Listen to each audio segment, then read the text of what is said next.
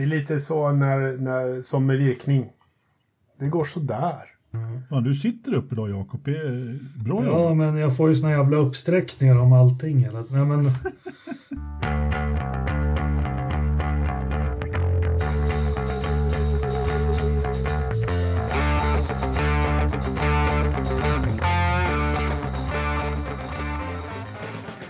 God morgon, god middag, god kväll alla lyssnare och varmt välkomna till Forsa-podden avsnitt 180 med Anders Lövström, Christian Dyredan tänkte jag säga, men jag heter Ridderstolpe och Jakob Engelmark. Ja, just det.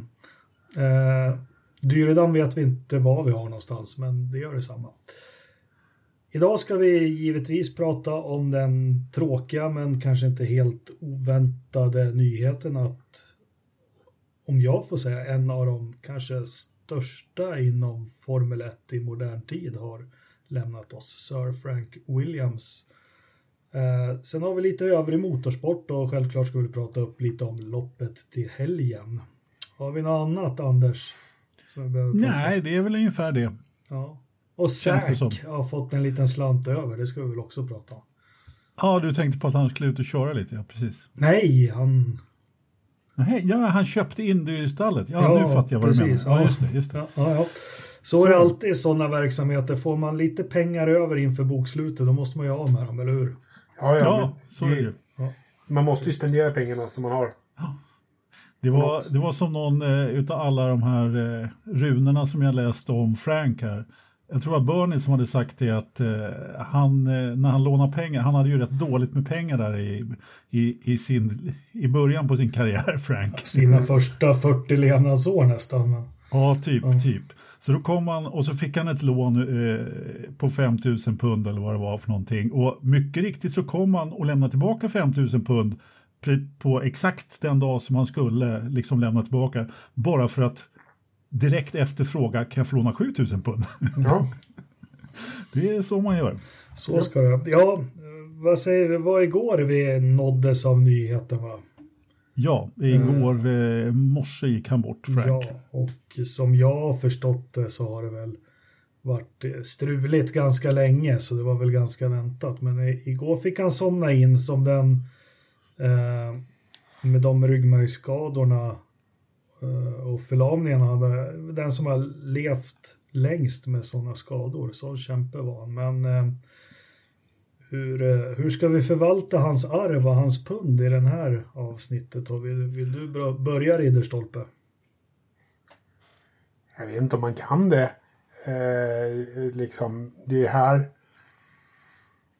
Det här är ju någon som har byggt upp någonting som vi knappast kan bygga upp igen eh, på samma sätt. Verkligen från, från noll och ingenting eh, byggt upp ett, ett världsmästarstall.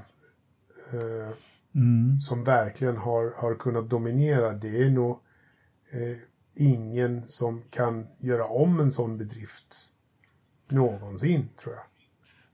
Nej, men det är nog svårt i dessa tider som det ser ut nu. Men egentligen, Jakob, så är det ju faktiskt vi som ska fråga dig. Du som har grymt bra koll på de här åren och den här eh, historien lite grann. Men kan vi inte bara ta det lite från liksom hans, eh, lite kort bara, hans story, liksom, hur börjar det? Eh, Ja, var, bör, var börjar han någonstans? Jag tänkte först, vi, vi är ju medelålders arga. Men för att kanske förstå, ni som är yngre, kanske födda på 90-talet och så. Eh, Jag satt och tänkte efter när jag körde sonen nyss och kom fram till mellan 1980 och år 2000. Eh, Så förutom Schumachers två titlar med Benetton och Piqué med Brabham så var det fan bara Williams och McLaren som vann VM. Eh, Det är liksom, det var så svindlande för mig när jag började räkna på det, men eh, så stor han varit. Ja, jag vet inte vart vi ska börja. Frank Williams, ja, britt som han är och försökte väl på att köra lite, har bland annat varit mycket eller en hel del i Sverige och kört F3 Precis. ganska tidigt i livet. Det var ju köra bil han ville göra. En liten Austin han åkte runt med och tävlade med på helgerna som alla andra britter på den tiden. Men Jag såg precis någon bild från honom, på honom från Kinnekulle där. Det, Utan nos. noskon. Ja, mm, precis, där ja. han vann. Så att, ja, och, ja, han vann där och, och vart mycket av en del kontakter i Sverige där sedan, sedan 60-talet. Jag såg någon, någon som hade haft honom inneboende i Huddinge då, där på 60-talet i samband med några tävlingar. Tärnström?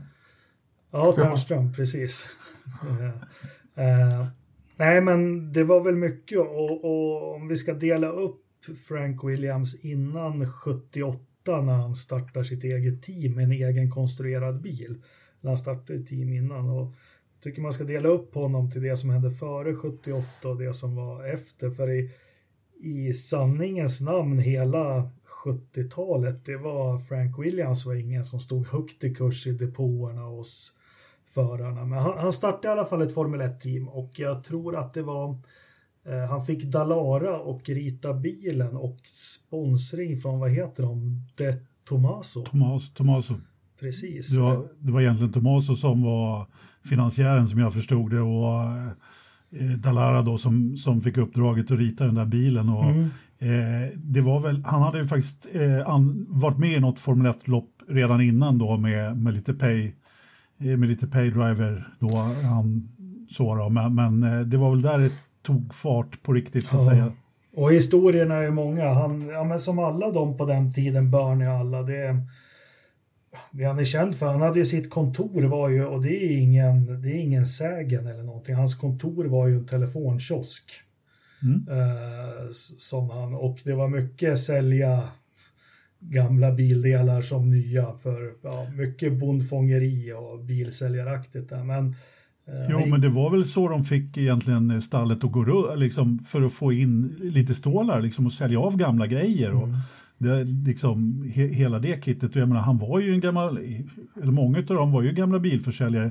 Men Frank, han, var, han åkte runt i någon van och sålde grönsaker eller vad det var. Han har, han har gjort allting. Jag vet inte om vi ska, vi ska väl inte befläcka. Nej, det behöver inte gå in på. Eh, bara... Sådana historier är roliga efterhand, men jag tror inte de som kanske har blivit lurade och, och köpt en, en växellåda till en F3 i tron om att den är helt ny och sånt tyckte det var så kul då. Men Eh, det man kan säga i alla fall att eh, jämfört med nu när man läser om eh, Jenny Capital för några år sedan och vilka är det som äger Williams nu och allting. Ja, Dorlito ja, precis. Ja, och vi har Alfa Romeo och här har det ju varit nyheter om att det är lite stridigheter där. Men eh, han som alla dem, han gjorde det helt och hållet av kärleken till racing. Han var besatt av racing och framförallt Formel 1 och, och, fick väl en ganska tuff start. Eh, Pierce, hur uttalar man efternamnet hans förare där? Uh, du tänker på... Ja. Du får försöka, för jag kommer inte jag vet inte vem du menar. Cora, Cora, ja, strunt i sam... Courage. Ja, courage. Äh, körde ju för Frank och de var ju bästa kompisar också, de var som bröder, men han körde ihjäl sig i, och det var väl första så här riktiga motgången för Williams, eh, Frank Williams. Han körde ihjäl sig på Sandford tror jag det var, 1970 om jag vill. Ganska trist smäll där det brinner mycket och det var väl första bakslaget. Sen snabbspola lite, vi skulle kunna ha, jag skulle kunna berätta i timmar om Frank Williams. Eh, men sen harvar han på där lite hej och hå och får väl egentligen där runt 70 86 i, ja, att han kan starta sitt eget riktiga stall här nu. Där han... Var det inte så att, eh, vänta lite där Jakob, bara, bara om jag kommer ihåg, du kan det här bättre än jag, men var det inte så att Patrick Head kom till Eh, alltså Walter Wolf då köpte ju egentligen hans stall då 60 procent eller någonting i den stilen. Han blev väl och, utmanövrerad kan man säga. Han fick väl som han trodde en sponsring från Wolf. Ja och det hette Williams Wolf eller någonting i början men sen helt och hållet till säsongen 77 när de skulle starta stallet så blev han utmanövrerad och var väldigt bitter och ledsen och barskrapade allting och det var ju det som blev Walter Wolf Racing som Jude Scheckter körde för, vann första loppet de ställde upp i, har jag för mig. Precis. En liten svart och guldig bil, väldigt nätt och fin. Uh, och det stallet Nej, men... överlev, överlevde inte sådär jättelänge. Nej, nej, verkligen inte. Och det, han, han tänkte väl att det, han ville ju inte jobba kvar, kvar där. Eh, precis som du säger, han var ju bara bitter och försökte väl kränga av de sista delarna och så fick han väl med sig Patrick Head där. Ja, vilket väl kanske var lite eh, hans smala lycka där. Det var det verkligen, för han köper ju en gammal mattfabrik tror jag det är, eller något sånt där i, i Reading eller något Luton, nej inte vet jag, Reading, jag kommer inte ihåg vad det var.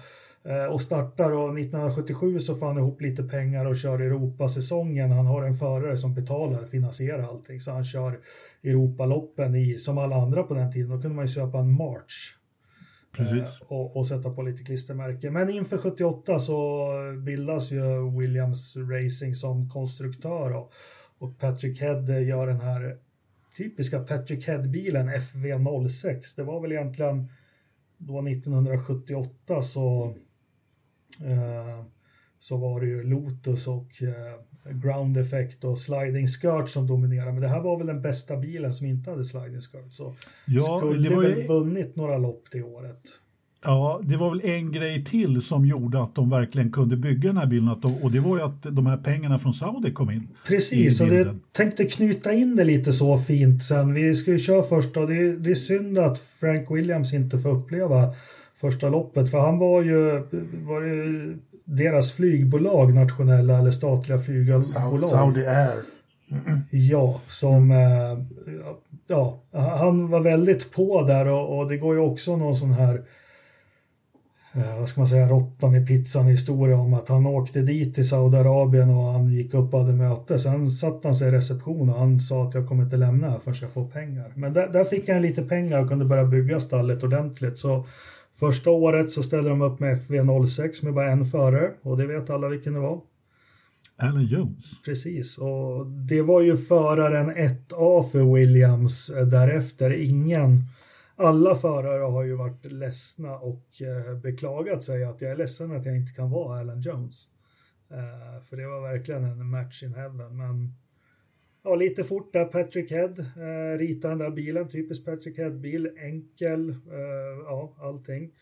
Förvaltar pundet och eh, året efter så kommer FV07 som den heter och det är en ground effect-bil som bygger på Lotus 79 men ja, förfinad av Patrick Head med allting som Lotus inte fick att funka med styvt chassi och, och, och bakbromsar och grejer. Och den här bilen vinner ju egentligen allting från halva säsongen 79 Eh, till 81 och eh, tar ja, VM-titeln skulle de tagit 79 egentligen kan man säga om de skulle ha fått lite ordning på det där snabbare. 80 vinner Erland Jones och 81 bör ju Carlos Reutemann ha vunnit men någonting hände i Las Vegas som vi fortfarande inte vet vad det var egentligen. Ehm, så där, där börjar de göra sig ett namn och jag, jag vet att Ronnie Pettersson hade han hade erbjudande inför 79 och kör från Williams. Eh, men då var fortfarande, äh, med Frank kan man inte köra för, det är en lurendrejare liksom. Eh, eh, men vem tog första segern då? Vart, vart tog de första segern Williams? Kan ni det? Uh, uh, nej, det får du berätta. Jag läste det här idag, men jag kan komma inte ihåg det faktiskt. Silverstone 1979.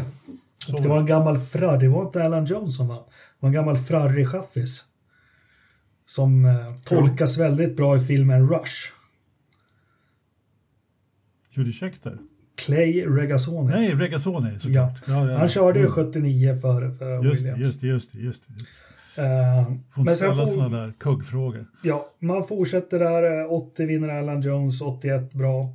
Uh, 82 tar de sitt nästa uh, mästerskap. En uh, turligt ska vi säga väl enda gången en förare som endast vinner ett lopp på en säsong, tror jag det var, vinner VM. Och vem var det? Kekke. Mm. Kekke Rosberg, ja. Och det var väl en säsong som var sönderslagen av alla olyckor. Det var väl Ferrari som skulle vunnit det år egentligen, men både Pironi och Villeneuve kraschade ju rätt vådligt som vet. Eh, 83 blir man lite ifrånkörda i och med att man inte har någon turbomotor. Man kör vidare med eh, med Cosworth. Men Keke Rosberg tar några legendariska segrar i bland annat Monaco har jag för mig. Och gör några riktigt eh, jättefina lopp i den där. Den måste heta FV09 eller 08. Och vem var det som fick köra sin första Formel 1-test i en sån då? Uh, vilket år pratar vi sa du? 83. 80, 83? Ja, det kommer inte jag ihåg. Som nykläckt F3-mästare i Storbritannien. Så de var den första mm. Formel 1-bilen han körde och även den sista. Var det Nigel? Nigel. Nej. Nej. Senna. Jaha. Senna. Ja. Och det var väl lite också som, man kan ju tro mycket om Frank Williams, men det jag som har läst lite böcker och så, om man försöker förstå, han väldigt disciplinerad, ordning, samordning på allting, men Karn, man pratar om att Jim Clark var nervös och hade, hade beslutsångest så var inte det någonting mot, mot eh, Frank Williams tydligen. Uh, han kunde inte ta några beslut om någonting och han lät nästan saker bero jämt så fick de lösa sig själva. Uh, men han passade på att inte skriva kontrakt eller någonting med Senna utan det var bara kul att ge honom första testet. 84 går vidare lite fort, då ett nytt stort steg som tas av Williams, förutom att de blir först med, med Saudi som sponsor och så, så liar de sig med motorleverantör och de snor faktiskt eh, motorer från stallet Lillövers körde för, vilket var det 83? Eh, jag vet vilken motor var, för det var Honda som de, ja. Eh, som de snodde. Vad körde han då, då 83? Inte kommer ihåg det. Spirit. Spirit, ja. Spirit, så de agerar ju test, testbänk hela 83. Sen 84 och den var ju inte bra den där Honda-motorn i början. Och det, eh, men de fick ordning på den 85, började vinna lite lopp och då har de fått britten som de kanske är mest förknippade med för oss fans, då Nigel Mansell. Det var, var då det var Nigel som började köra det? Ja, 85 kör han ihop med Keke Rosberg och vinner sina två första lopp och det kommer jag ihåg, han vann dem på raken, Brands Hatch och Sydafrika. Här var jag väldigt, jag var sju år men jag läste allt om Formel 1 så jag kommer ihåg det med Ansel. Går in i 86, köpte över eh, största föraren då jämte med, vad heter han, eh, Prost. De får över en eh, Nelson Piquet som första förare och vidareutvecklad till faktiskt legendariska bilar måste jag säga FV11 och 11B som de körde 86-87. Och då hade han redan vunnit eh, Piquet? Ja, 81 83 med Brabham. Mm. Eh, och I mars 86, ja, vi måste få säga något också, Ridderstolpe har inte sagt någonting Nej, jag vet. Men, får... men, men, men, det är faktiskt så att det är helt okej okay, Jakob, för det är du som kan det här och det är du som kan historien. Men, men jag kan få flika in med en sak som jag, jag kan och det var försäsongstesterna i mars på Paul Ricard. Mm. 17 mars till och med, eller något sånt där. Mm. Nej, det ska jag inte ta, ta, ta, ta gift på, men eh, han hade alltid haft en fäbless för att köra fort på vanlig väg med bilar. Eh, eh, den gode Frank, som väldigt många andra i F1. Jag menar, det finns ju massor med historier om, med Ronny framförallt då när de eh, kör och ska, ska liksom den, den som kör snabbast från banan till, till, till hotellet och både ditten och datten. Men han hade ju bråttom också, du vet vad han hade bråttom till va? Eh, nej, det vet han jag inte. Han flugit ner på morgonen, sett bilarna köra och sett att ja, det här blir en rolig säsong för bilarna var ju fantastiska 86. Ja. Eh, men han hade bråttom hem för han skulle springa London halvmaraton dagen efter. Just det, han var ju väldigt, ja, väldigt engagerad löpare och väldigt aktiv just. Jag vet att han sprang ofta innan, eh, liksom, när han kom till banan så sprang han ofta ganska många varv då. Jo, han var ju först med det och bara flika in, hade han en flight som gick till USA och så skulle han vänta 20 minuter i Chicago, eller två timmar i Chicago till nästa flight då hade han i handbagaget skorna och då vart det två varv runt flygplatsen. Mm. Mm. Ja, fortsätt. Han, Peter ja. Winstore eh, och han åker en Ford Sierra 1,6 till och med. ja, precis. En riktig potent maskin, ja, precis. Eh, på väg till flygplatsen och eh, helt enkelt går av vägen. Mm. Kraschar rätt ordentligt. Och eh, det var väl så att eh, man trodde att det egentligen var kört för honom. Eh, men mirakulöst så, så kan de ju lappa ihop honom men han kan ju fortfarande men blir ju då förlamad. Det kan ju varken använda både varken ben eller armar. Jag, vet du vad det där tillståndet heter, Jakob? Ja, men de heter något på engelska, kvadrup, kvadrup. Quadriplegic. Ja.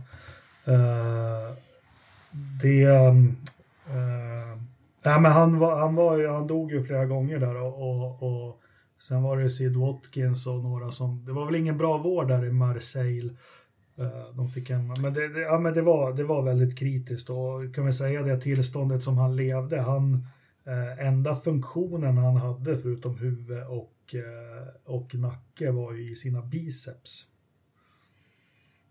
Okej. Okay. Mm. Sen var det stendött. Mm. Mm.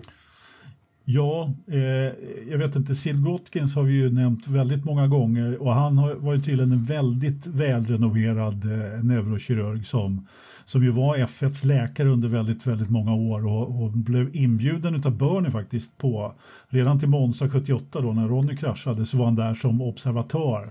Eh, men som sen då blev eh, F1s mångårige doktor och, och åkte med. Eh, och egentligen var den arkitekten bakom det systemet som man använde på Formel 1-tävlingar med hur det ser ut, som det ser ut idag egentligen med att det finns ett, ett, sjukhus på, ett mobilt sjukhus på plats och sen då att man har vägarna klara till, eh, till ett större sjukhus då, på sidan om och så vidare. Tyvärr så blev han ju inte framsläppt där till, eh, till Ronny då. Mm. Han blev stoppad av de italienska gendarmerna. Men nu var vi på Frank. Ja, Precis, Ridderstolpe, vill du flika in något så du inte känner dig överkörd här bara? Det, det här är bra lyssning. Ja, ja. Nej, men eh, och, och, ni som vill sätta in mer i det här, det finns ju en dokumentär om honom och det finns även en, eh, tyvärr har jag varit bort den, men det finns en väldigt, hans fru skrev en bok. Eh, och hon spelar ju in väldigt mycket under den här tiden på bandspelare om hur hon tänkte och prata med sina väninnor. Eh, Virginia va? Ja. Uh, Ginny. Och hon, som jag förstod det så var hon en av hans eh, finansiärer också. Även om han ja. alltid hade dåligt med pengar så, så blev det trots allt, så fick han trots allt lite grann där från det ja, hållet. Men det var ju tidigare de träffades och hon var väl egentligen redan bortgift, kommer från en fin familj. Men Frank dansade in i hennes liv och det var väl mamma och pappa där och även brorsan var väl väldigt tveksamma till, till det här och, och det gick åt lite pengar men hon, hon var lycklig med honom. Ja, precis. Och han blev ju till och med han blev ju adlig till slut så ja. det kanske inte var helt fel. Undrar om hon hade hunnit dött då, men... Nej. Jag tror Hade hon inte det? Nej, han eh, blev, han blev eh, dubbad 99 och hon dog väl 2013 eller något sånt där. Oj då, okej. Okay. Ja. Uh, men det finns väl en dokumentär på Netflix, Williams, där. Uh, ja, mm. som, Just det. Ja, uh, den är bra. En väldigt, väldigt speciell man. Men ja, i alla fall när Peter Winsor är den som drar ut honom ur, ur, ur, bilen och väntar på ambulans då. Och han är ju svårt skadad. Men han, han är kylig då. Han, han låter meddela om det här inte går vägen, liksom om jag slocknar nu då så alla sponsoravtal är klara. Eh, två tredjedelar av dem för nästa år är klara. Eh, så tydliga liksom instruktioner om ja, hur det ska bli. Och eh, Patrick Head får sköta det där, han vet vad som händer. Men ja, han får vård länge, gör en bejublad comeback i rullstol på Brands Hatch 86, men inte med mycket alls under säsongen 86. Utan det är sen från säsongen 87 och som alla vi som har följt F1, då är det ju vanligt att man ser honom i sin, i sin rullstol eh, i depån på garage, i depågaraget. Eh, flitigt mm. arbetande. Eh, sen har vi ja, säsongen, alla kan ju att de eh, eh Williams är ju verkligen ett, ett team att eh, ja, de är ju, de är ju bäst under 90-talet, hela 90-talet, Adrian Newey. Eh, går ner sig lite, får uppsving, går ihop med BMW. Sen har det väl i ärlighetens namn bara varit ut för sen 2004 egentligen. Eh, tyvärr, men jämfört med dem han startade samtidigt, eller sådana som Tyrell och så, så höll han ju liv i, i, i stallet. Eh, sen vet inte jag alls hur, eh, hur det såg ut ekonomiskt och så på slutet och det här att de de sålde stallet kan vi väl med facit i hand se att man kanske visste att han levde på lånad tid. Ja, jag vet inte. Det där är ju naturligtvis svårt att bara... Men, men det känns ju som att det var svårt att få ihop finansieringen. Alltså, de hade ju, det var ju inte kris i Williams, det var det inte. Men man sålde ju först det här liksom det stora benet då som gjorde batterier och allt vad möjligt, vad det nu hette, eh, engineering-biten där liksom. Mm. Eh, som var en ganska stor del av Williams egentligen. Men sen när man väl sålde till Dorlito så var det väl så att man hade kanske inte orkat driva det där på det sättet som man gjorde under någon längre period. Det är vad jag tror i alla fall. Utan det behövdes någon kapitalstark ägare. Det går ju helt, det är ju som vi har pratat om här nu, det går ju inte att ha ett privatstall i dagsläget. Liksom. Det finns eh, eh, i princip så finns det väl ett kvar på griden. Eh, mm. Även om då Red Bull i princip är ett privatstall. Då, men... det finns ju det du säger och jag tror väl det är fällan kanske. Vi har ju Frank Williams som var så dedikerad och, och eh, ja, vi pratar om hans fru och barn, men eh, han var nog inte, vem som helst kunde nog inte leva ihop med honom, för det var bara Formel 1, både före och efter olyckan. Och barnen berättade enda gången man träffade pappa, det var den årliga semesterresan i samband med, med Sandvort. Eh, men då, ja, då fick de vara med lite i depån och allt hur han är, hur många språk kunde han flytande? Italienska, franska, tyska, eh, ja, eh, prata allting. Och jag vet efter den här olyckan då Nelson Piquet gav honom som typ en telefon, en touchtelefon eller vad man ska säga. Nej men 1986 med stora knappar. Men, och då har jag en dokumentär som finns på Youtube från början på 90-talet. Alltså han sitter där, svårt att röra sig. Jag kan inte härma för ni ser inte mig i bild, ni som lyssnar. Men med sin lilla telefon där och bara som en telefonsäljare på ett callcenter bara tokringer sponsorer dagarna ända. uh, och ja. Jag tror aldrig jag bekommit honom att bli rik eller någonting utan han har uh, som jag har förstått det, det är inte många som har haft sån kärlek till sporten som han. Det, var, det, var, det var, verkar, verkar, ha, verkligen ha varit det som drev honom hårt och det som gjorde också att han till slut lyckades. Så, eh, jag var inne på det där lite grann med Patrick Head där i början och jag tror ju att alltså Patrick Head kan man ju säga mycket om men jag tror att på något sätt så var de ju liksom den dynamiska duon lite grann och att anledningen till att äh, men man måste nog vara den där typen som eh, Patrick skrev det här i något, nå, någon, någon runa också om Frank att han la sig inte i så mycket vad jag gjorde mm. om han fick sköta sitt. Och det låter inte riktigt som Frank Williams i mina öron. Men på något sätt så kunde han väl kanske lämna den biten. För att han visste att eh, Patrick var den som eh, var den bästa liksom. Man får inte glömma heller om man tittar, jag ska lägga ut en länk sen också för det finns en jättebra gammal BBC-dokumentär från Eh, kan det vara 1980 då om Williams och, och, och, allting. Men på den tiden, han som stallägare och stallchef, han var ju, hur säger man på svenska, race engineer för en förare. Ja. Mm. Han, han, stod där med, vad heter det, sånt där man skriver på. Pitboard. Ja, nej, men ja, och, och däcktryck och höll på med allting och inställningar och laborera. Ja, så. du tänkte så ja. Mm. Så det var ju, var ju Head som körde en bil och han körde den andra. Så kan man säga. Ja, precis. Men, eh, jo, men alltså ja. de, här, de här hade ju lite grann en... Det, är, det är ju samarbetet som, som flyter ihop med, med Frank Williams, Patrick Head och, och så småningom Adrian Newey som kommer in och gör eh, fantastisk hair och, och det där liksom. Det är när man får det här teamet som börjar spela ihop som, som ett självspelande piano. Då ska man inte vara där och peta för mycket. Och det var ju det som gjorde att han han, man litar på, på sina ingående delar i, i helheten. Liksom. Och mm. det är då man får den musiken som gör att de vinner VM om och om igen. Liksom. Men sen Adrian Newey, han vart ju less, skriver han i sin bok också, att han ville vara involverad i och framförallt beslut kring vilka förare som skulle köra och droppen för honom blev ju när Damon Hill inte fick nytt kontrakt och han fick inte vara med och säga sitt än. Så han skriver i sin bok att det var ju, det är ju Paul Patrick och, och, och Frank Stall liksom, men ja. Ditt och datt. Men det säger ju Patrick Head också i intervjuer så att nej men riktigt så var det inte liksom. Jag hade ingen aning om att Villeneuve var inbjuden och skulle testköra och det skulle jag sagt nej till. Och, eh... Nej men det var väl kanske det som var min poäng lite grann. Att Patrick han backade nog undan lite grann ifrån det mm. och svalde det liksom mm. eh, på det sättet. Det känns så i alla fall i de intervjuer jag också har sett och hört med honom. Eh, sen var han ju rätt hårt åtgången där med 94 också, Patrick ja. Head. Och, så det, det liksom hela den historien också. Men det, sen var det väl mycket i slutet av 80, början på 90-talet tyvärr. Mycket om Williams handlar ju då om att Först hade man Piqué, blir världsmästare, byter stall. Sen har man eh, Mansell som till slut vinner sitt VM, byter stall dramatiskt. Väldigt dramatiskt.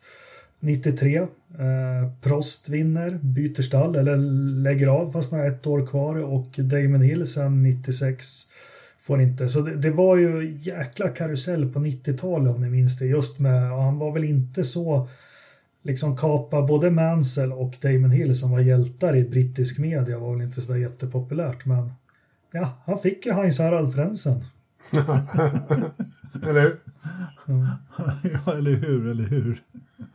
Ja, eh, fränsen. Ja. Det, är, det, alltså det är många förare trots allt som har ramlat igenom i och med att de inte blev kvar så där överdrivet länge. Oj, ja. Eh, alltså, den, jag vet inte, den som har kört Williams längst av alla, vem är det? Eh, Det måste ju vara Manson nästan, men det skulle inte förvåna om det var Ralf. ja, eller eh, Valtteri Bottas, eller jag på att säga. Nej, men nej, jag tror det. Mansell var ju där eh, Fyra, 85, eller? 86, 87, 88, sen 91, 92. Vad blir det? Sex säsonger? Sex år. Sex säsonger, ja. Ja. fast inte på raken då. Nej, nej men det blir nog, det är nog Mansell, ja, precis. Precis. Och så, han hade ju också såna här fantastiska förare som Patrese och Botzen och eh, liksom, Ja, men Patrese körde ju fem säsonger där ändå. Han var nog väldigt omtyckt och, och jag vet ju att Patrese var en av dem han ville skulle köra bilen 78 där istället för Alan Jones då. Vilket förvånar mig. Men ja. Att, att, han, att han varit kvar så pass länge. Men något måste han ju ha haft. Så Jo, men han var, han var rätt aktad där på slutet. Sen får du aldrig glömma att eh, 91 när han gick upp mot Mansell när det var passiv bil så var ju han faktiskt snabbare den säsongen än vad Mansell var. Det var ju när den aktiva bilen som krävde att du stängde av alla känslor och allting och bara styrde in. Det passar ju Mansell. Nej, men det är, det, det är som du säger. Alltså den typ, det var nog väldigt stor skillnad eh, i körstil på de där. Och det är klart att vissa anpassar sig bättre och vissa gör, det tar ju längre tid för vissa. Så är det ju. Har du något, vilket är ditt Williams minne så här från tiderna eh, Ridderstolpe? Har du något eller någon förare eller bara något sådär när du tänker Williams? När jag tänker Williams, först och främst så ser jag den blå, vit, gula bilen eh, susa fram. jag tänker väldigt mycket, mycket segrar, eh, liksom väldigt framgångsrikt eh, stall. Det är ingen så här enskild eh, sak. Ja, naturligtvis 94 när jag sitter i trappan och ser eh, Aiton bra, braka i muren. Det, det kommer ju också in där någonstans. Men ändå, liksom, den överväldigande känslan när jag tänker på Williams som stall, det är Frank först och främst. Och sen är det liksom bilen och segrarna och den otroliga framgången som man faktiskt har haft genom åren. Det är det som är det största när jag tänker på, på stallet. Liksom när, när jag ser det framför mig. Ja, ja, An- Anders, du var inne på många att passera revy där förare också, så, men vi får inte glömma Ross Braun börjar Williams, Neil Oatley börjar Williams. Eh, ja, ska vi inte sitta sådär, men det är väldigt många har kommit, och det har ju varit en hård skola där. Det har inte varit jätteenkelt att jobba framförallt för Patrick Head. Eh, sonen till en militär eller general liksom som inte drog sig för att skrika fram sina budskap. Eh, nu ska vi se, Franks farsa var väl också flygare om jag inte är helt ute Ja, och vad det har jag dålig koll på så här nu. Det skulle jag behöva Ja. googla i så fall. Hans mamma var lärarinna för särskola och hans pappa var i flygvapnet faktiskt. Ja. Och, eh, men eh, eh, jo, jag skulle bara fylla i. eh, Du får rätta mig om jag har fel nu, men jag, någonstans så, så måste det vara så här. Va? Sju VM-titlar, förartitlar, nio konstruktörstitlar och var det 114 segrar? Kan det stämma? Ja, det kan nog stämma. Senast är Pastor Maldonado där. Eh, De har vunnit på 70, 80, 90, 00 och 10-talet. då, Så vi får hoppas de tar en seger på 20-talet. Men det är särskilt där i slutet av 90-talet är det respektabla siffror alltså som de har eh, radat upp. Nu har väl Mercedes antagligen gått förbi dem då. Ja, det har de gjort. Eh, Mercedes McLaren naturligtvis och Ferrari då, men annars så är de ju där uppe. Nej, men vad, vad har du för Williams-minnen då, Anders, när du tänker Williams? När jag tänker Williams så tänker jag alltid på en sak. Att de skrev Som- med Alesi. Exakt. att han, eh, att Ales aldrig fick köra för Frank faktiskt. Och jag är inte, jag är inte, jag är inte sådär jättesäker på att det hade funkat något bra, om jag ska vara helt ärlig. Nej, nej, nej. Eh, jag tror det hade skurit sig ganska ordentligt. Eh, men samtidigt så, så passade ju inte Alesi så jättebra i Ferrari heller om man ska vara helt ärlig. Därför att han eh, var ju en sån som tog skiten som fanns och körde. Och han hade ju behövt en, eh, någon som, såg efter bilen och som såg, såg till att den, att den höll, liksom, som, som man kanske gjorde i Williams. Att, eh, Men, men jag sa väl det Anders, jag, jag kollade på, jag vet inte om det var på F1 TV eller någonting, jag kan se men i alla fall så var det engelsk textning så här som kommer live Mm, och Sean Alesi blev Jan DeLacy. Ja. Stod det hela tiden. He's followed by Jan DeLacy. Ja. Vad hade du för Williams minne? Jag avbröt dig där. vad sa du? Vad hade du för Williams minne? Jag avbröt Ja, dig. men det var ju just det. Det var det, det var ju det, ja, det var ju det som var mitt... Nej, men det finns ju naturligtvis väldigt mycket annat eh, som man... Eh, och, alltså, framförallt Prost dagar i Williams där tycker jag var rätt kul. Dessutom, även om jag eh, ju alltid har sett Prost som en eh, Ferrari-förare egentligen. Då, då, men, men det var ju mycket hattande där fram och tillbaka och sen framförallt eh, så måste jag ju säga att första året med Damon Hill där tyckte jag också är, är kul. Och framförallt då när eh, Jacques Villeneuve kom till stallet. Det blev ju en rätt bra fight där under de, de två, tre åren tycker jag var rätt kul faktiskt. 95-96 där. Eh, jag, Villeneuve var ju en riktig fri- frisk fläkt och i och med att man, eller åtminstone jag följde kart och, eller Indycar och väldigt nära på den tiden så just när han dök upp i Williams, det, det var det var eh, uppfriskande som du brukar säga. Men eh, Villeneuve där, det har ju kommit fram nu, jävlar. Ja, de var ju inte pigga på, men de tog in honom och testade. Han var ju faktiskt två och en halv sekund långsammare än Coulthard. Och det, men på något vis så eh, krånglar Frank dit honom och det var väl det mest rigida testprogrammen förare har fått inför. Han körde väl två säsonger under slutet av 95 och 96 innan han fick eh, börja köra. De hade väl lärt sig av Andretti-grejen, men Ja, antagligen. antagligen. Men eh, han var ju inte långsam, Villeneuve, när han väl fick sprutt på det. Själv så också, jag håller med det ni säger, eh, gula, vita och, och blåa bilar och Honda-motorer och Renault, men på senare, jag tyckte ju väldigt mycket om Montoya. Mm. Han passar i det där stallet på något vis och eh, tycker det är för jävligt att han inte fick vinna Williams-guldet 2003, för skulle det inte varit för de här ändrade däckreglerna som Ferrari helt plötsligt kom på att göra när det var fyra lopp kvar, en protest om Michelins framdäck så skulle han nog tagit det.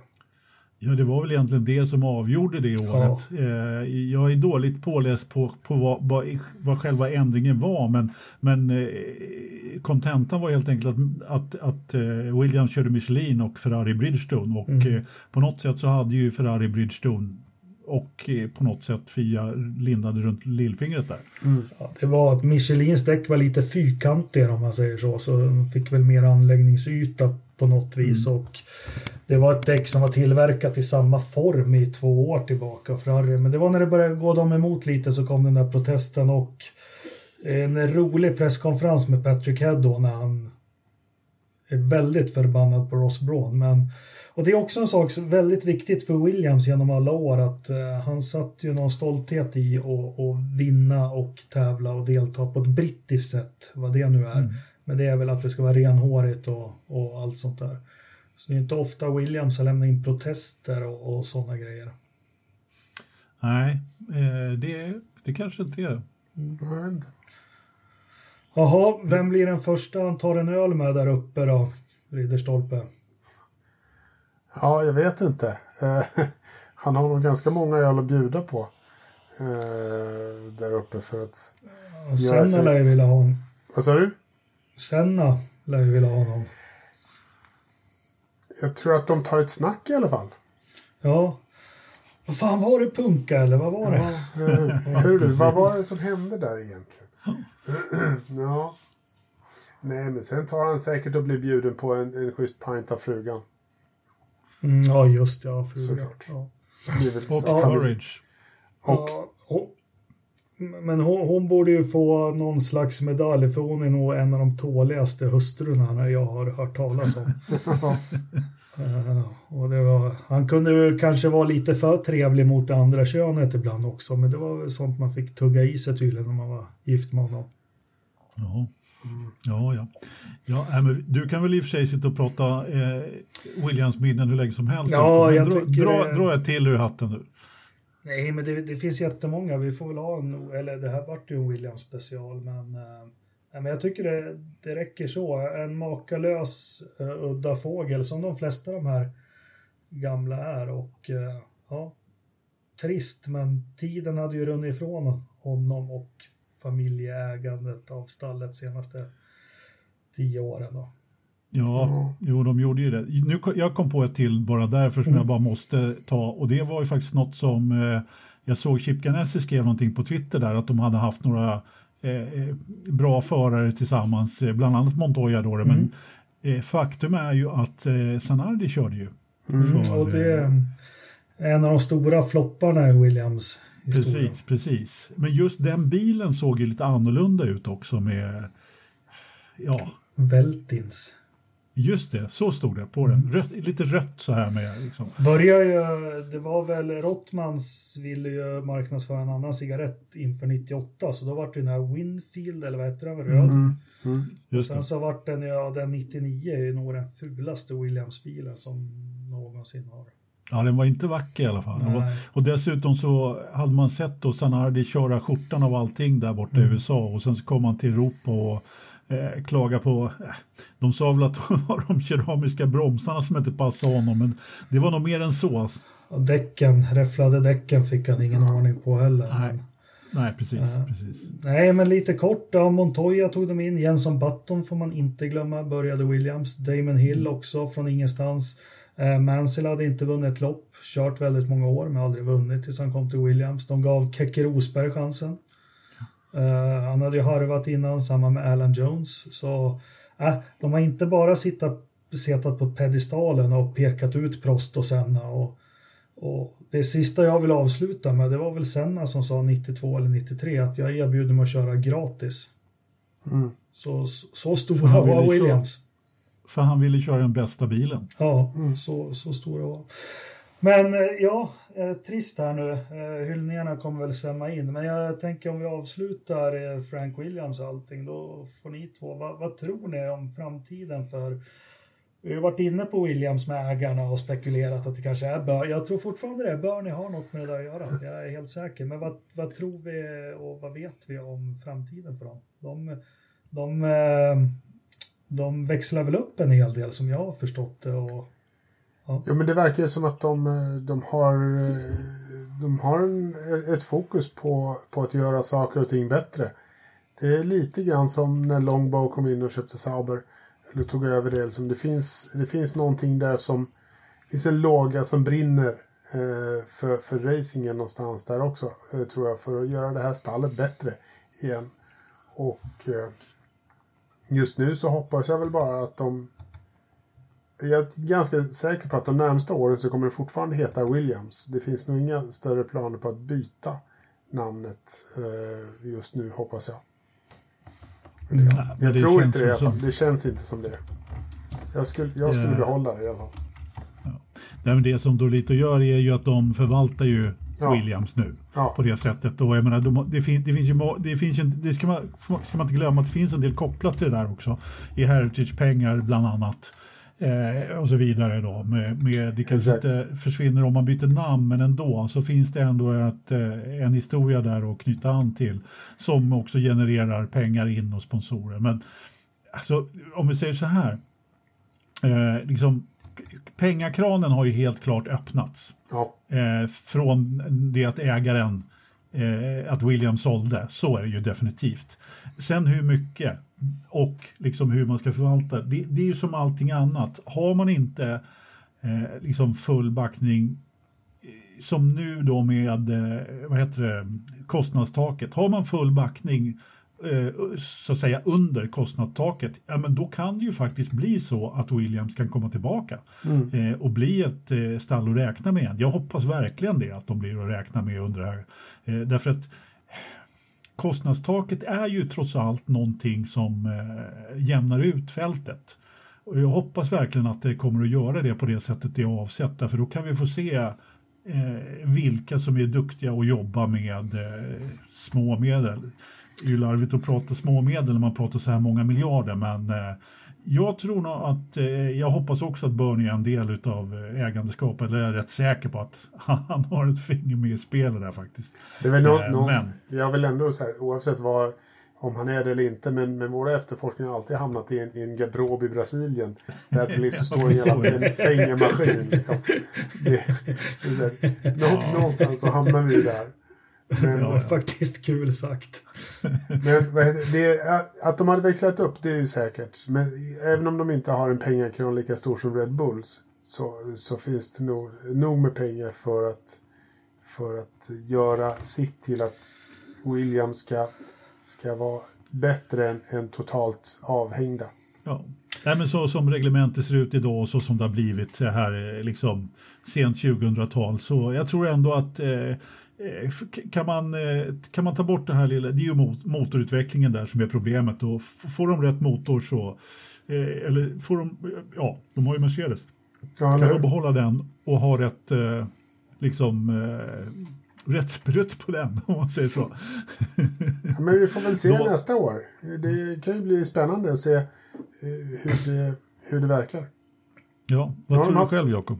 Jag har haft ett par... Eh, Jag är mest nyfiken på, det är väl företag som racerteam. Går, går det och ska man försöka behålla det som var DNA från Frank Williams? Ja, Ta aldrig semester, jobba dygnet runt, sov över på fabriken. Nej, skämt åsido, men... Eller är allt för... Nej, men man kan ju kanske försöka behålla det som är bra. Den här liksom känslan eh, på, något, på ett eller annat sätt. Det är alltid svårt, men eh, eh, jag vet inte. Jo, men andan eh, tycker jag nog att det, det eh, kan man och, och ska man nog förvalta eh, så väl det går. Och det tror jag nog att man vinner på i längden. Vi kan dra en parallell eh, där, Jakob. Eh, om du tänker dig Lawrence Strulovic som jämnar Jordan med marken och bygger allting nytt. Eller om man då, som eh, Dolito har gjort, knappt ändrat någonting och kanske petat in saker där det behövs istället. Ja, vad är framgångsreceptet? Kanske funkar båda, jag vet inte. Jag skulle väl kanske inte ha gjort som Monsieur Strulovic. Nej, för där fanns det ju ett DNA om vi ska prata med det, att knappa resurser bygga bra bilar som jag tycker att man sk- ska vara noggrann och förvalta. Men samtidigt, Toto Wolf håller ju inte till i, i brädgården där som Kent Turell gjorde, för det är ju faktiskt Kent Turells stall som han driver. Ja, nej, han gör ju inte det och det är ju en jätteorganisation och nu verkar det ha blivit, nu verkar det ha blivit slagsmål om personalen igen. Eh, så, liksom Red Bull, jag vet inte om, så fort Toto säger något elakt till om Horner i tv, då, då anställer han en ny ingenjör liksom, från Brackley verkar det som. Jag vet inte vad de håller på med riktigt. Och nu var det ny, nyligen, nu kommer jag inte ihåg vad han hade för titel, men en ganska senior medarbetare om jag förstod det hela rätt som han, eh, som han eh, värvade till sig. Ja, nej, men vi får se. Vi får följa Williams lite extra noga. De eh, kan inte sjunka så mycket lägre än vad de har varit sedan 2018. Ja, 17 börjar egentligen spöka eller ja. Nej, och sen vet jag inte, de har ju på något sätt eh, blivit lite bättre i år. De har inte riktigt lika katastrofal bil som de har haft tidigare. Eh, eller så har Haas blivit sämre. Nej, det har de inte, men, men de, har ju trots allt eh, tagit steg framåt måste man ändå säga. Eh, sen sen eh, kan vi ju göra Åsnebryggan då med, med lite hänvisning till eh, Belgiens GP då.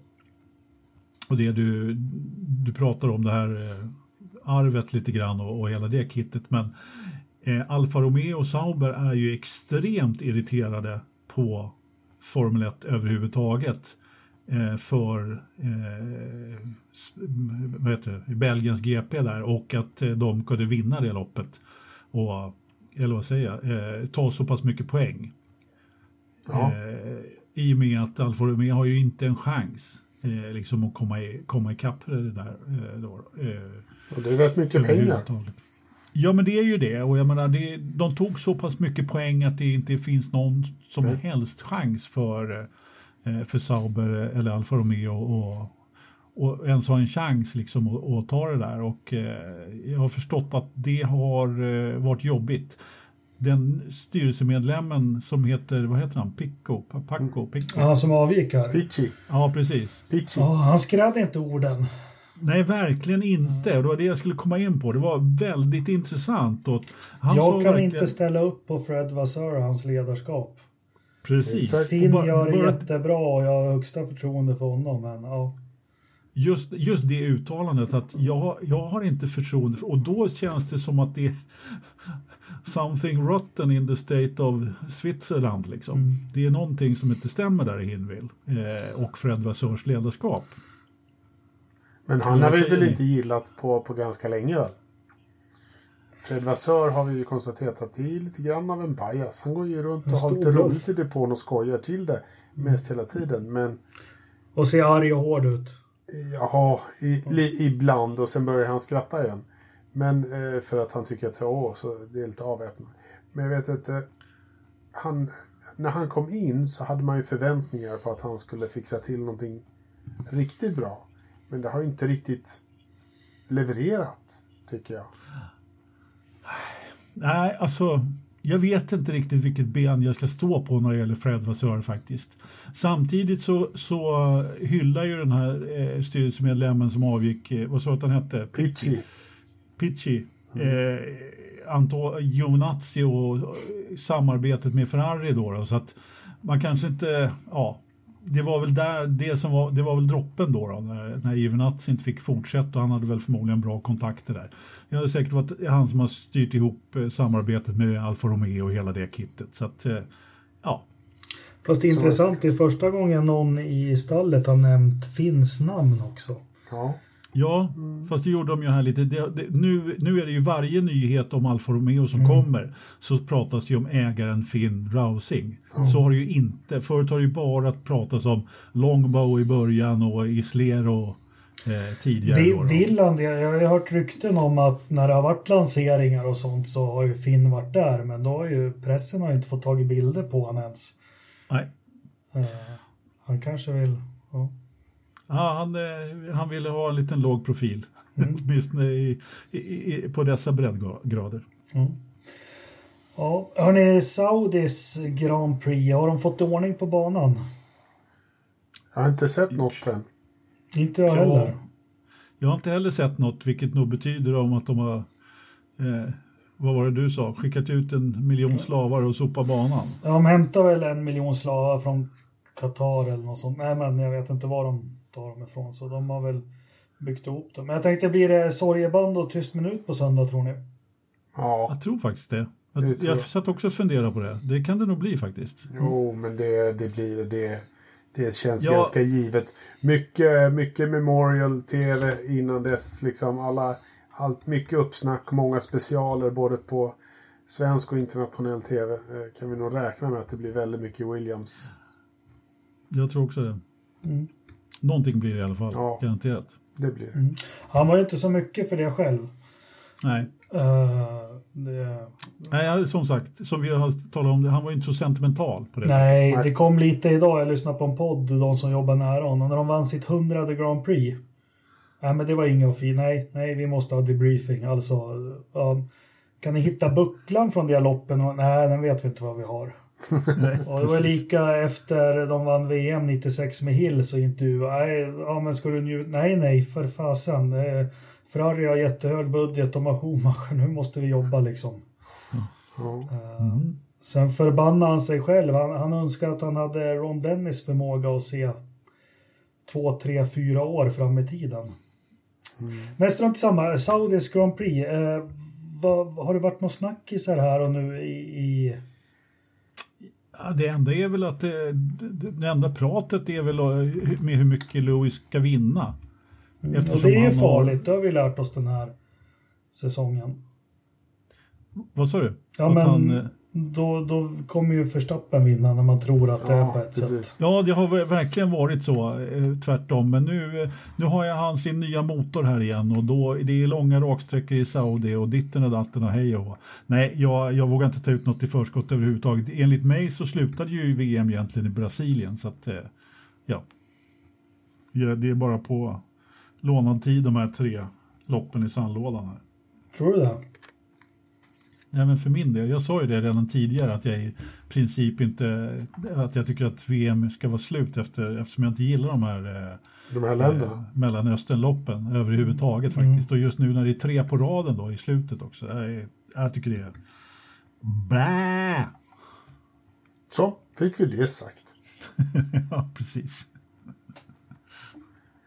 Men, men, Nej, men det är, Det väl, det, det är väl liksom det, det man pratar om. Hur mycket han ska vinna. Sen, och sen är, det några, sen är det några klassiska uträkningar med Jo, men för att eh, Max ska säkra titeln så behöver vi få den här eh, resultatlistan. Det är väl det Ja, som jo. står i, Mm. i hittills. Eller hur Alonso vinner. Såg jag också. Mm. Det var väl bra. hur Alonso vinner, ja precis. Alla andra blir diskade. Det jag, var det två veckor sedan vi frågade oss, jag har försökt febrilt att ta reda på det här med deployment. Eh, Det sköts, Ja, du just kan det. styra det från ratten tydligen. Ja, Det är så. det är mycket som sköts från ratten. Det är mycket Ja. knappar där. Allt utom att styra. Nej men, Ja, men typ. Det är, ja. men det är, det, det är verkligen, om man, vi har titt- pratat om gamla tider där liksom, på vilken utveckling egentligen som det har gått igenom. Och, och jag menar, om man tittar, kommer ni ihåg då när, eh, när Lewis tryckte, kom åt knappen på baksidan på ratten så de var tvungna att bygga om den lite grann så att den inte ska komma åt den. För det var ju uppvärmning på upp, en knappen för upp, uppvärmningen av bromsarna på uppvärmningsvarvet. Liksom. break magic. Break magic, ja precis. precis. Men är det den han sitter och håller i när han startar? Eller är det någon som har knäckt den? Varför han håller sin vänsterhand så konstigt när han startar? Ja, det är väl någon Nej. sån knapp. Ja, fast Bottas gör inte. Det är, han har gjort så i flera år, men det är ingen som liksom fattar varför. Det är, det är förmodligen för att bara förvirra sådana som du. Okej. Mm, mm. Förhandling. Ja, men Ja, men precis. precis. Nej, Tre men, DRS-zoner, är det det? Nu kör vi. ja, varför inte? det? En, två, tre DRS-zoner. Alla tre på samma eh, del. eller På samma raka. Nej, inte precis på samma raka. På samma sida av banan. Det är en lång jäkla bana där, hörni. Mm. Den är över sex kilometer. Och hur, hur varmt kommer det vara där i Saudi då? 42,5. Eh, 22 Eller nej, det var datorförrådet. Förlåt. Eh, ingen aning. Nej, det kommer... Ja, jag vet inte. Ja, ja, jag vet inte. Jag har ingen aning hur, hur varmt det är så där här års där. Men varmt lär det ju definitivt vara. Det lär vara. Personligen så hoppas jag på en sandstorm. Och Ja, att det- körs tre varv bakom Safety Car och eh, eh, Jättemånga poäng till Sauber. Alf, Alfa Romeo vinner. Ja. På tal om sandstorm och 70-talet, vad- när de körde på banor, det var ja, med Sandfort och andra, vad, kommer ni ihåg på de här groteska airboxarna från 72 till 76? Ja. Vad brukade man göra för att eh, förhindra att det kom in... eh, Det kom, om det kom in sand för mycket där så kunde gasen hänga sig, men det fanns ju knep hur de... Inte. Strumpbyxor. Ja, såklart. Som filter. Ja, som man ryckte bort sen efter några varv. Såg jättekonstigt ut. Ja, den där nylongrejerna är bra till mycket. Jaha, nej men det, det är svårt att snacka upp ett lopp. Det är redan så spännande som, som det kan Ja. bli. Eh, Ja, precis. Pre- Ja, men det är ju det. Det är, ju det. Det, det är dessutom F2. Det, det måste ju du tycka Ja. darrar lite extra för, det, det för dig. Skönt. ja. Ja, eh, men ja, take it away. Prata F2. Nej, jag behöver inte prata om F2 överhuvudtaget. Jag, var, jag blev i princip förvånad själv att det var F2 den här helgen. Men det kom ju nyhet idag då att en gammal, äh, gammal, en eh, William, just Williams junior då, Logan Sargent, ska göra F2-debut. Mm. Det passar väl bra på en bana som ingen har varit på förut egentligen. Det är bra. Du har ju bra många mätpunkter att jämföra med. Och racet startar vid fem. Har jag för mig. Är, det så, är, det. är det lite kvällsracing? Mm. Lite eftermiddag? Vad trevligt. Eh, vad gör man, vad äter man för mat när de kör i Saudi då? Ja, den som det visste. Ja. Man äter eh, en, en eh, ganska enkel grönsaksrätt med ris. Eh, ja. Sånt. Race startar vid fem. Vad fan fick du det ifrån? Det startar 18.30. ja det är ju Sänd- fem. sändningen sta- startar vid fem. Nej, loppet startar 18.30. Det, alltså, I den där delen av världen, i Saudiarabien, så har de någonting som heter soltid. De räknar inte liksom 24 timmar Nej. på ett dygn som andra, utan de räknar när klockan går upp från på morgon till den går ner på kvällen. Eh, I vilket fall som helst så loppet börjar 18.30. Okej, Bra. Bra. Men, Kvalificeringen börjar klockan 18. Mm. Ja. cool. Practice One börjar 14.30. Det är jättebra. Ja, det, är- det är verkligen... Tänk om man missar det här liksom. Ja, 18.30. Men nu vet ju alla när det är. 18.30. Ja, just det. Ja, men jag menar, alla lopp startar ju heltid. Men jag menar, hade Bernie, hade han varit chef för han hade ju, ja, i och för sig, de hade väl bara kastat några miljarder på honom. Bernie hade nog accepterat det där också. Han bara, ja, Ja, Anders, ska du på med ditt vita lakan och åka ner där och jetsätta? Det blir svart lakan Ja, ja. efter, efter, eftersom Frank gått bort. ja det är Precis. sant. Ja, ja. ja men eh, trevligt med Formel 1. Eh, jag hoppas Lewis vinner och Verstappen kommer tvåa och ingen av dem tar snabbaste varv så har vi en hårresande final. Ja, Jag vill ha en final där liksom den som kommer först i mål av dem vinner VM. Inte om han kommer femma, om den kommer trea och den. ja, men det var ju ett tag sedan vi hade det, så att, eh, det vore ju kul. Det håller jag faktiskt med om. Mm. ja, Det är jag är övertygad om att, att vi kommer att få det också. Mm. Ja. Ja. Övrig motorsport då. Eh, Indycar kom ut, eh, vi inledde med det, Zack har fått en slant över på budgeten. Jag fick han ju redan i, i sensommaren här när han gick ut och, och pratade om det redan i augusti. Va? När dealen annonserades. Och det är väl Ja. det att det är bara ett, det är nu det har gått igenom på riktigt genom alla Det vi kvarnar. pratar om är alltså att, han, att McLaren har köpt eh, återstoden av Arrow Smith, Mc, vad fan heter de? Spam. Inte återstår de har köpt upp 75 procent som de sa att de skulle göra. Så nu Ja, har precis. affären, eh, dealen har gått igenom eh, de Ja, men de var- businessmässiga kvarnarna. De var ägare redan tidigare men nu har de köpt ytterligare en bit eh, som de hade sagt att de skulle ha gjort. Exakt. Ja. Så att eh, Zack har varit fattig några månader nu. Det är väl... Nu kommer han Ja. väl försöka att att dra tillbaka lite pengar. På tal om DNA och så, kan de inte skippa alla de där namnen innan och bara heta McLaren? Ja. Det kommer de nog göra inom kort tror jag faktiskt. Ja, jag, jag med. Eh, Jag menar Smith Peterson där, det var ju inget, ja visst, det var ju de som så att säga startade då hela det kittet då. Men de hade ju inte varit med jätte, jättelänge, det hade de faktiskt inte. Så att det sitter väl inte jättehårt förankrat. Så jag, jag tror att det kommer att heta McLaren till slut faktiskt. Ja, På tal om teamchefer som sitter i rullstol. Vad sa du Jakob? På tal om teamchefer som sitter i rullstol. Ja, Ja, ja, precis, precis. Smith där ja. Nej, men de får sitta kvar i, i styrelsen och, och, och rösta lite hit och dit och sånt där och få lyfta lite lön. Men namnet Mm. kommer nog bli McLaren. Vem var det mer som skulle provköra för dem? Eh, Det Var det ju någon mer som skulle provköra Ja, det för- var ju någon. Hylkenberg hade de väl? ah, du tänkte så. Eh, för Indy- Indycarstallet? Ja, var det du. inte någon mer rackare som... Det är mer än vad jag vet. Det vet jag inte. Eh, jag vet inte, mycket av min, min vecka har, när jag tittat på motor på Facebook så har det varit någon doktor som slutade köra motorcykel. Ja, just det. Det har varit väldigt mycket. Vale, Vale. Mm. Ja, eh, känns, Valentino känns- Rossi. Eh, du ser väldigt förvånad ut herr Löfström. Ja. Ja, Ja. jag undrar vem pip du pratar om. ja. Doktor? Viva la Figa, Ja, som det står på hans overall. Ja. ja, men det...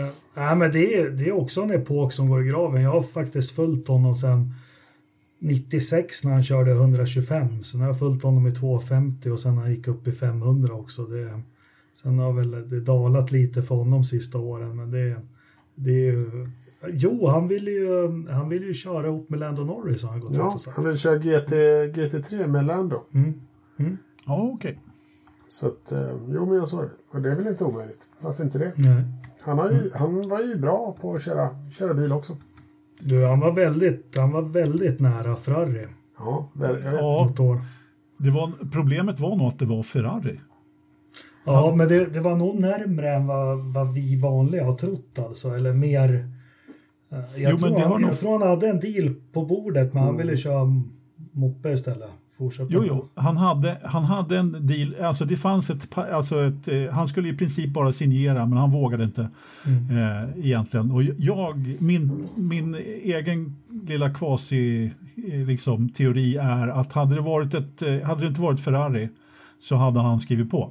Av den enkla anledningen att han eh, hade sånt extremt tryck på sig som italienare och eh, ja, med de titlarna han hade tagit på två hjul liksom, så, så ha, hade det funnits eh, liksom en, eh, vad ska man kalla det, en, en, en, en, en, en bakdörr så att säga, så han inte hade satts under så stor press omgående så tror jag hade blivit av faktiskt. Om det hade varit en Renault. Ja, vad som helst. Mazda. Talbot. Talbot, Precis, precis. Vi, vi- när vi är inne på övrig motorsport, vi måste nä- nämna att Kristoffersson har blivit världsmästare igen. Ja, hurra, hurra, hurra. I vilken I gren den här gången då? Vad sa du? I vilken gren? I, rallycross? Ja, nej, men han, jag menar inte hånfullt. Han, Nej, han klarar ju av att bli mästare i de flesta. ja verkligen. Ja, Ja, han är Ja. verkligen en multitalang. Man kom ju dit med ganska stort underlag mot låg under poängmässigt mot Timmy Hansen och eh, tog hem det där i, ham- de hamnade på samma poäng så att det var antal segrar som avgjorde där. Så Man får väl anta att herr Hansen inte är helt nöjd med det resultatet. Har inte Skanken någon son? inte jag vet. Eller er, Per känner, inte till det. Den dåren. Det skulle vara humör på, på kubik det där. Åh, kära. Ja. men de kunde ju bjuda på underhållning. Jag älskar det där klippet med Per Eklund nu. Ja. På värmländska. Black flag! Fucking hell! fuck? Ja, vad fucking hell! Black! Black! Eh, och för er som gillar sånt också, ni, han körde ju Pikes Peak där med någon riktig värsting Saab. Ja, Det finns en dokumentär på Youtube ja, när de bygger, När de den. bygger där den. Man sitter, alltså, det är så underbart. En, en gubbe där med cancer som är konstruktör, ingenjör. Han har Ja. aldrig läst någon högskola, men det största snillet som finns. Eh, och de är i det där sunkiga garaget och ja, nej, det, jag gillar sånt. Ja, verkligen, verkligen. Och det enda egentligen spons de fick av Saab, det var ju i princip märkena eller karossen de... eh, Ja, de fick en glasfiberkaross bultar på, typ. Ja, ja, ja, och Clarion hade de. ja, ja det hade, den hade en så mångårig sponsor. Ja, nej, men den, den rekommenderar jag. Och, eh, jag får inte glömma det. Jag, jag lovar, jag ska lägga ut i samband med den här kommer ut länken till eh, en av alla dokumentärer om Williams från slutet av 70, början av 80-talet som jag tycker att ni bör titta på. Har vi något annat övrig motorsport? Eller är vi Nej, nöjda? jag tror jag slutar faktiskt. Nej, Bra. Ridderstolpe, du stackare, du har inte fått sagt så mycket idag. jag, ganska, jag har det Du har bara bra. övervaka. Jag har övervakat och sett, sett till att ni, ni håller er i skinnet och ni sköter det bra. Det enda som jag tänker på annars i övrig motorsport är väl att Race of Champions börjar bli eh, kom, mer och mer komplett med namn som trillade in i, i startlistan där. Och är jag fick lite nästan så att jag var bli lite sugen på att åka norrut. Ja, Faktiskt. jag med. För jag fick ångest. Det var en ung, ung pojk, 20-årsåldern, som frågade mig Race of Champions. Han är väldigt intresserad. Han brukar komma hit och kolla på Formel 1. Men är det, jag bara, nej vad fan, det är inte alls vad det har varit. Skit i det. Sen började det trilla in när jag började läsa. Sen bara, fan, det där, lite som du Ridderstolpe, det där kanske man skulle åka på. Ja, men, Ja, det är faktiskt Lite. så att det är för första gången i världshistorien så är det ju faktiskt i Sverige. ja, Eh, det är väl förmodligen, det, det hade i och för sig varit närmare att åka till Paris och eh, Kanarieöarna eh, än att åka till Piteå, men ändå. Det är ju trots allt inom gränserna. så, men eh, det senaste som ramlade in var väl ett, eh, en Schumacher och en eh, Vettel va? ja, det var det tyska paret. Mm. som, Så som att, kör, det blir kör trots allt rätt kul faktiskt. Mm. Eh, Vilka kör för Sverige då? ja, bra fråga. Ingen aning faktiskt. Jag vet inte om det är klart eh, än. Nej, det, det Faktiskt. undrar jag också om det Nej, jag faktiskt. tror inte det. Men, men vi får väl. googla lite snabbt. Eller? Mm, Eller så kan vi ta det en annan dag. Det är inte mer än så. Nej, om, om han har frågat nu så måste vi ju faktiskt... Ni sa så mycket fel eh, förra veckan så att, som vi har fått så mycket skäll för. Så att, Vad har vi, vi har inte sagt något fel. Dessutom kan, du inte, kan du, vi kan inte sluta med att pudla. Vi börjar med att pudla. Har vi inte pudlat på en timme så får det vara. här, här, här, här pudlas ingenting Nej. överhuvudtaget. Drivers, Sweden 2022.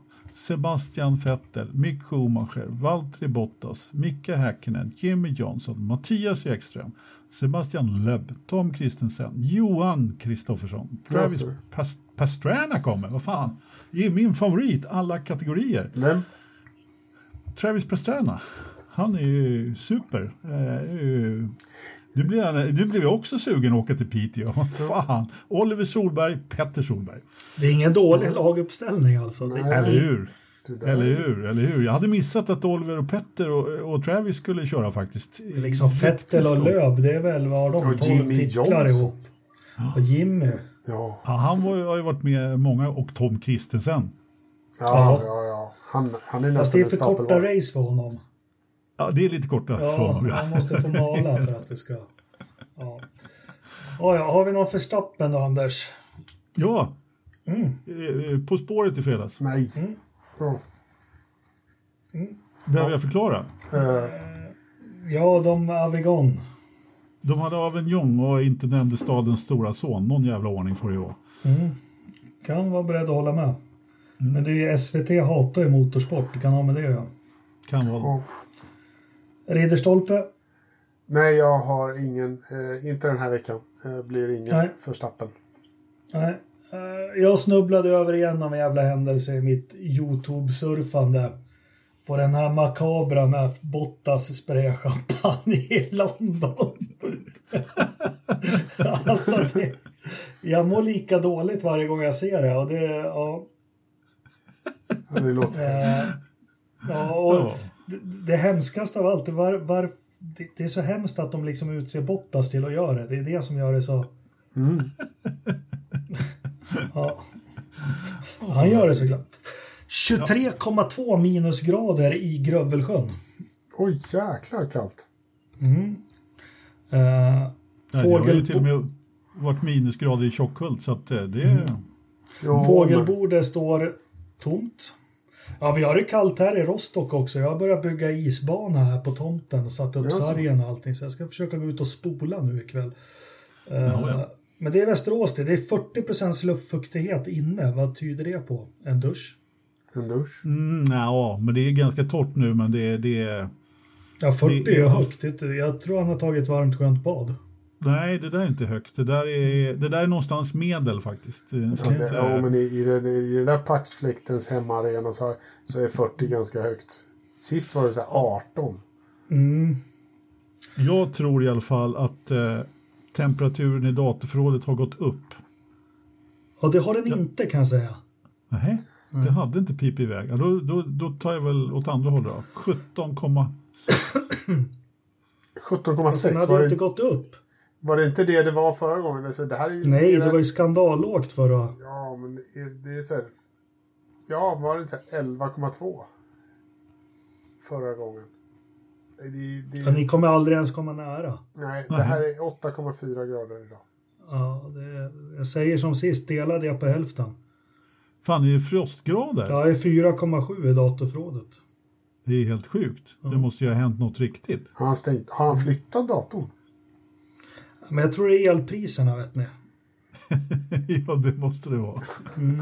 Han har alltid varit dragit ner lite- några, stängt av några processorer och, och Ja. Alltid varit lite ekonomisk faktiskt. Det, Ja. det har du rätt i, Jakob. Så var det med det. Tack alla lyssnare och tack Anders och eh, Christian för idag. Eh, hoppas att vi hörs om en vecka igen och att vi har en jämn VM-ställning att diskutera. Det hoppas vi. Ja, det har vi. Vila Fan, i frid, Sir? Frank. Vila i frid, Sir Frank. Vila i frid, Sir Frank. Vi hörs. Hej!